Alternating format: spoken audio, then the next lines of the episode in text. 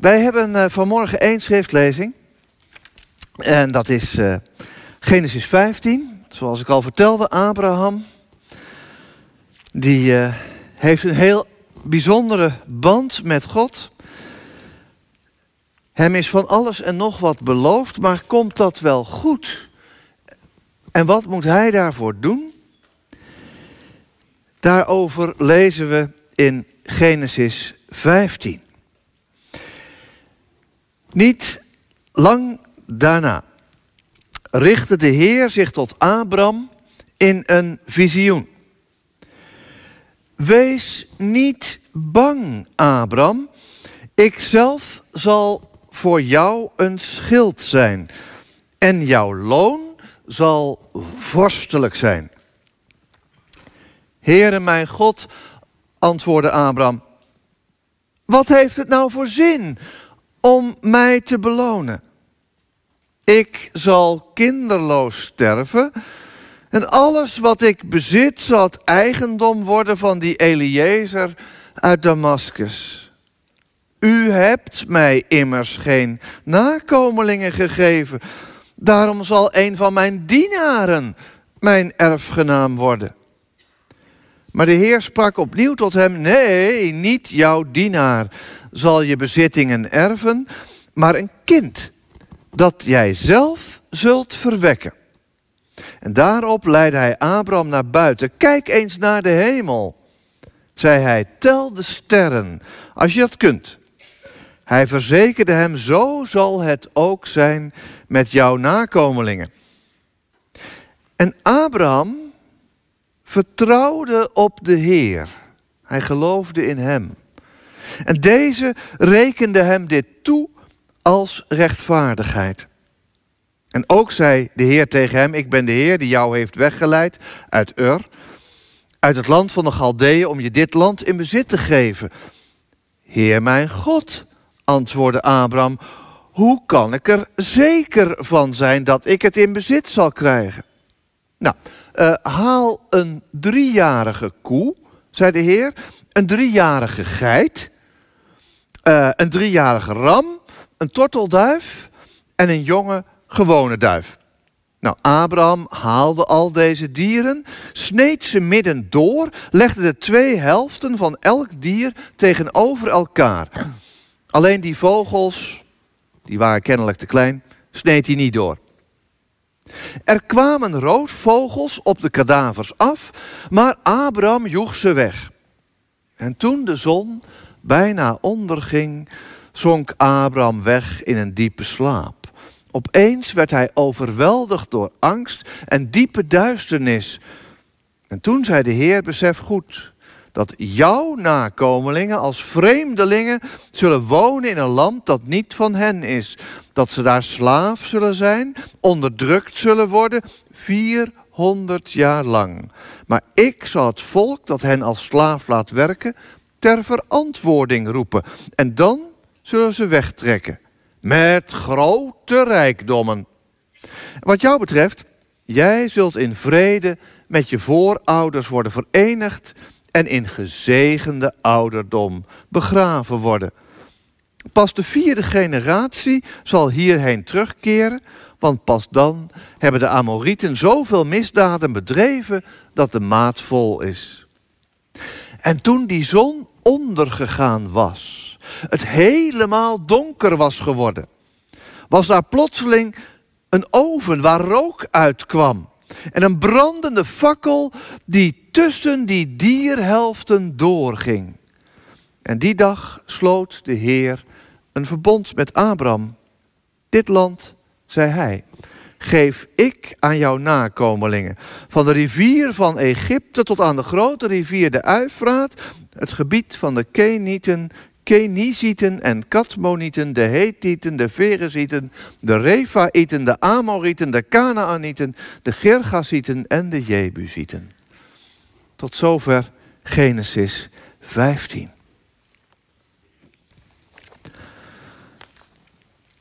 Gemeente van onze Heer Jezus Christus.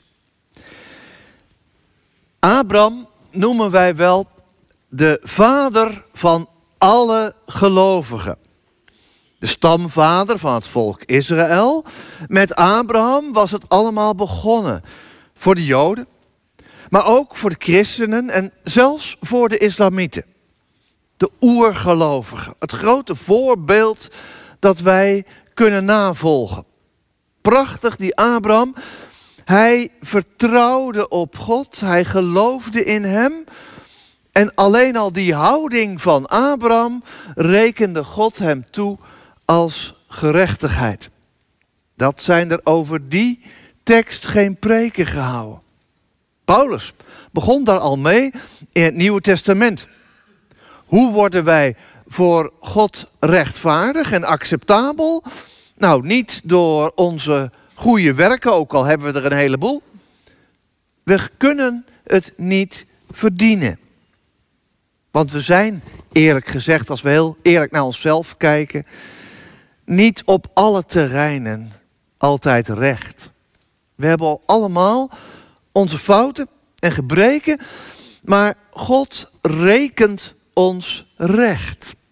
Kijk maar, zei Paulus al eh, in de geschiedenis naar Abraham. Die gelooft, die vertrouwt op God, dat wordt hem toegerekend alsof hij helemaal in orde is. Hij is daarmee niet recht, maar hij wordt als recht beschouwd. En zo, zo mogen ook wij vanmorgen het avondmaal vieren als mensen die weten dat we brekenbeentjes zijn. Dat we de liefde van God niet kunnen verdienen, maar wel gratis ontvangen. Omdat we geloven, omdat we vertrouwen dat Jezus Christus voor ons volkomen voldaan heeft. Dat, dat is de theorie. Maar hoe ging dat nou eigenlijk bij die oergelovigen in de praktijk? We moeten heel Genesis 15 lezen, al vond u het misschien net een beetje lang. Niet alleen vers 6. Hij geloofde en God rekende hem dat toe als gerechtigheid. Nou, Genesis 15 begint met die prachtige beloften van boven voor Abraham. Ik, de Heer, de Schepper, de Almachtige, ik ben jouw schild. Ik bescherm jou. Ik zal ervoor zorgen dat het kwaad je niet kan bereiken. En jouw loon zal heel groot zijn. En wat zegt dan Abraham? Dank u wel. Zeer vereerd? Nee. Abraham, het is een eigenwijs heerschap hoor. Abraham hoort het aan. Hij neemt de belofte van God serieus, maar vraagt er ook op door. Mijn loon zal zeer groot zijn. Fijn, Heere God. Maar dat is geen blijvertje hoor. Waaruit bestaat eigenlijk dat loon? Want ik heb helemaal geen nageslacht om al die rijkdom aan door te geven en dan is het toch nutteloos. Dan blijft uw belofte toch in de lucht hangen als het maar voor één generatie geldt. Abraham gelooft God, jawel, maar dat betekent niet dat hij de belofte van God voor zoete koek opeet. En wel ziet wat daarvan komt. Zijn twijfels en vragen bij dat geloof houdt hij niet voor zich. En God zegt dan niet, Abraham, toch, ik heb je net zulke mooie beloften gedaan. Wat ben jij onbeschaamd, je moet me maar op mijn woord geloven. Nee, de Heer leidt hem naar buiten. Het is kennelijk nacht. Hij toont hem de sterren. Hij werkt die belofte nog een keer uit. Dat loon wat ik jou geef, dat gaat doorgegeven worden aan een nageslacht zo ontelbaar als er sterren in de hemel zijn. Vader dus van alle gelovigen. En Abraham gelooft in de Heer. Hij gelooft dat de Heer dat laatste woord waar gaat maken. En God rekent dat vertrouwen toe als rechtvaardigheid. Dat vertrouwen maakt hem rechtvaardig, maar dus ook die navraag. Abraham rekent na, zoals die kindertjes er net die hoekjes narekenden. Ja, dat kan die juf nou wel zeggen die er aan het knippen is, maar hoeveel hoekjes zijn dat nou eigenlijk? Abraham rekent na En daarom rekent God toe. Want God wordt heel graag serieus genomen. Dat blijkt ook uit het tweede stuk. Weer krijgt Abraham bezoek van de Heer. En weer belooft God hem het land als een bezit. En dan heeft Abraham weer die onbeschaamdheid om meer dan die losse woorden te vragen. Waaraan zal ik dan weten dat ik dit land zal bezitten? Hij vraagt om een bonnetje. Fijn, die mondelinge toezegging, ik heb het liever zwart op wit. De gelovige gelooft wel, maar kom dan ook mijn ongeloof te hulp. Waaraan zal ik het weten? En voor wat dan gaat gebeuren, moet ik iets meer vertellen over de cultuur van het oude nabije Oosten. Als twee partijen daar een afspraak maakten, een verbond sloten, dan konden ze dat doen door één dier of meerdere dieren te slachten en die op een bepaalde manier neer te leggen. Die dieren werden doormidden gesneden. De ene helft werd links neergelegd en de andere helft rechts. En die dieren die bloeden natuurlijk, dus daartussenin kwam er een straat vol met bloed. Dan konden die beide partijen samen over die straat van bloed lopen. Daarmee gaven ze aan. Zoals die stukken van deze dieren bij elkaar horen, zo horen wij bij elkaar. Wij hebben vanaf heden een bloedband.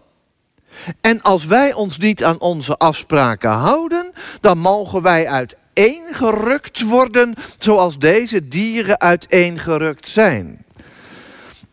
Abraham kent dat gewoon, kent dat gebruik en maakt op bevel van de Heer zo'n bloedstraat klaar. Hij mag dus een plechtige bevestiging van God zelf verwachten, een ritueel dat de Heer zich aan zijn woorden zal houden. Dat wordt het bonnetje van Abraham. Maar dan liggen die kadavers daar klaar. De zon staat aan de hemel, Abraham is er, maar waar is God? De ene partner is beschikbaar, de bruid staat al voor het altaar, maar de bruidegom blijft uit.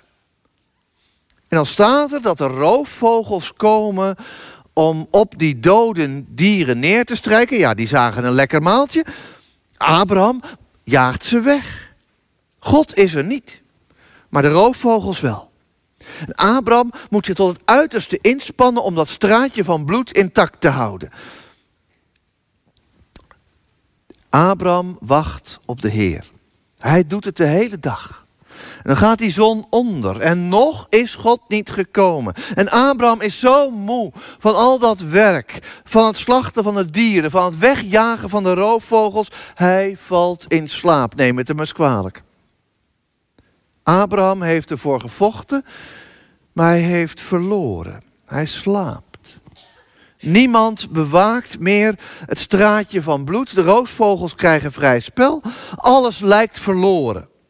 Hem overvalt dan ook een angstwekkende dikke duisternis. En in die duisternis hoort hij dan ook nog woorden van onheil. Zie je wel? Alles gaat mis. Je dacht dat aan jouw nageslacht dit land beloofd is, nou, het zullen eerst vreemdelingen zijn, zegt de stem van God. In een land dat niet van hen zal zijn. Ze zullen moeten dienen en verdrukt worden. En dan komen daar toch ook nog woorden van heil. Het vierde geslacht zal mijn belofte waar zien worden. En dan ervaart die slapende Abraham dat er toch iets of iemand tussen die geslachte dieren doorgaat. Hij had de stukken bewaard, maar, bewaakt, maar hij zit er slapend naast. In onmacht. Dan geeft de Heer zelf het teken. Waaraan Abraham mag weten dat hij zich zal houden aan zijn belofte. De Heer gaat als een rokende oven, een vurige fakkel, dat kun je het zien in de donkerte, als een vurige fakkel zelf en alleen tussen die stukken door. Hij stelt zich dus als enige garant dat het verbond wordt uitgevoerd. In deze plechtigheid ontvangt Abraham zijn bonnetje, juist als het er niet meer van lijkt te komen. En wat kunnen wij bij de viering van het avondmaal van deze oergeschiedenis leren? Hoe komen wij, hoe vieren wij dat feest van brood en wijn? Zijn wij rechtvaardig? Zoals we Abraham altijd zagen? Die geloofde, het werd hem toegerekend als gerechtigheid. Zijn wij van die geloofshelden die de bergen verzetten? Ik ben het niet. Ik denk dat velen van u, als ze in hun hart kijken, zeggen van nou, ik twijfel ook wel eens en ik zie het niet zitten. En geloofsheld? Nee. Maar dat was Abraham dus ook niet. Ook voor hem moest God de bergen verzetten. Niet Abraham. Abraham twijfelt en hij vraagt bevestiging. En met die twijfel mag je tot God gaan. Zo mogen wij ook die belofte van brood en wijn aanvaarden met dat gebed in ons hart. Heer, bevestig ook vanmorgen weer uw belofte aan mij. Dat u mij inderdaad aanvaard hebt, al lang geleden als uw kind. En dat u nooit laat varen het werk dat uw hand begon. Dat het werk van Christus ook voor mij verricht is. Dat ik me veilig bij u mag voelen. Want ook in ons geloof kennen we die ervaring van die roofvogels.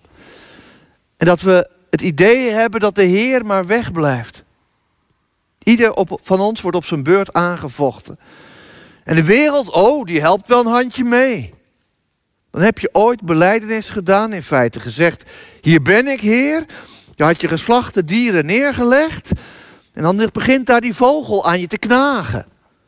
Jij gelooft, laat me niet lachen, je bent een heilig boontje. Nou, weet je nog wel, toen je op die zaterdagavond door de mand viel? Je gelooft in een goede God. Waarom wordt je leven dan niet meer gezegend? Waarom gaan de bloemen nog dood en de zon nog onder? En in Gods naam vechten we tegen die onrust in het hart en de tegenstand van de wereld die niks van God moet hebben. Maar soms word je daar zo moe van. dan komt er inderdaad zo'n moment dat je uitgestreden bent, de roofvogels winnen. En je valt van pure uitputting in geloofslaap. Alles lijkt verloren, de duisternis komt, de angst dat het allemaal voor niks is geweest. Maar het wonderlijke van het verhaal van vanmorgen is dat de Heer juist dat moment gebruikt om te komen. Juist als Abraham moe is en zonder kracht, juist als hij daar alleen maar moet zitten toekijken hoe de Heer het alleen voor hem doet. Daarmee bevestigt God dus niet alleen zijn afspraak, het bonnetje. Hij geeft ook zijn visitekaartje af. Ik doe het wel alleen. Mijn belofte wordt echt waarheid. En daar sta ik garant voor, niet jij. En dan moet Abraham horen dat er inderdaad ook voor zijn nageslacht nog moeite en zorg genoeg zal zijn. Het is niet altijd en overal roze geur en maneschijn, maar het komt goed. Omdat de Heer garandeert dat hij zijn verbond met Abraham en zijn nageslacht zal houden. Zo gaan wij ook als kinderen van onze vader, onze hemelse vader, als nageslacht van Abraham naar het avondmaal. Ook wij staan naast het offer van onze Heer. Het is zijn werk aan het kruis. Ook wij zoeken bevestiging. Waaraan zullen we weten dat het waar is? Ik merk soms zo weinig van het geloof. Er zijn zoveel roofvogels. En dan zegt de Heer, ja, maar ik ben juist voor mensen die uitgestreden zijn. Niet voor helden van het geloof, maar voor vermoeide strijders die in slaap vallen.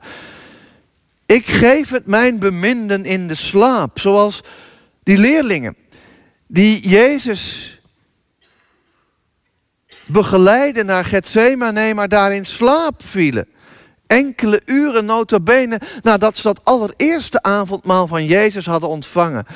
terwijl zij er nog niks van begrepen. Brood en wijn zijn eten en drinken voor mensen die nog niet eens weten dat hun maag leeg is en hun keel dorstig. Het zijn tekenen waarin God ons persoonlijk bevestigt dat Jezus voor jou persoonlijk is gestorven. Voor het heden, voor het verleden, voor de toekomst. Daarmee kunnen we voort, ook al worden we aangevochten. Maar dan weten we, hij komt als de nood het hoogst is. En dan geeft hij, hij zijn beminden in de slaap. Ik zorg voor jou. Ik reken je gerechtigheid toe. Niet omdat je zo'n sterk geloof moet hebben, maar omdat Christus voor alle mensen gestorven is. Elk soort mens. En Abraham, die ging de volgende morgen weer naar huis. Hij had zijn bonnetje gekregen. Hij ging met nieuwe hoop. Vraag niet hoe dat nou precies gebeurde. Dat is een geheim. Abraham was de eerste in een hele lange reeks van geloofsgetuigen, Joden en christenen, die in dat geheim zijn ingewijd.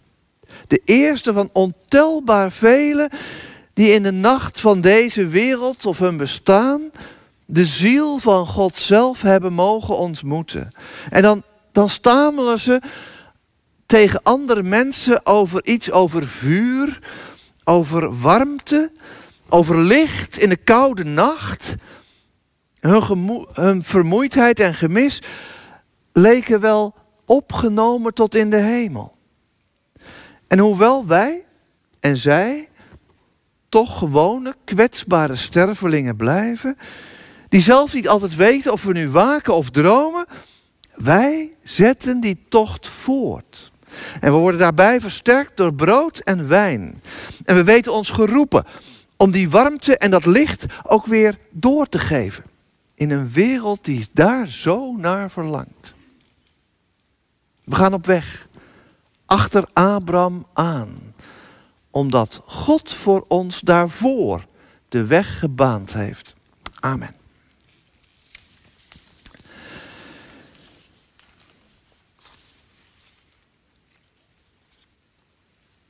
Er is een lied waarin wij met elkaar ook bidden. Opwekking 689. Spreek, o Heer.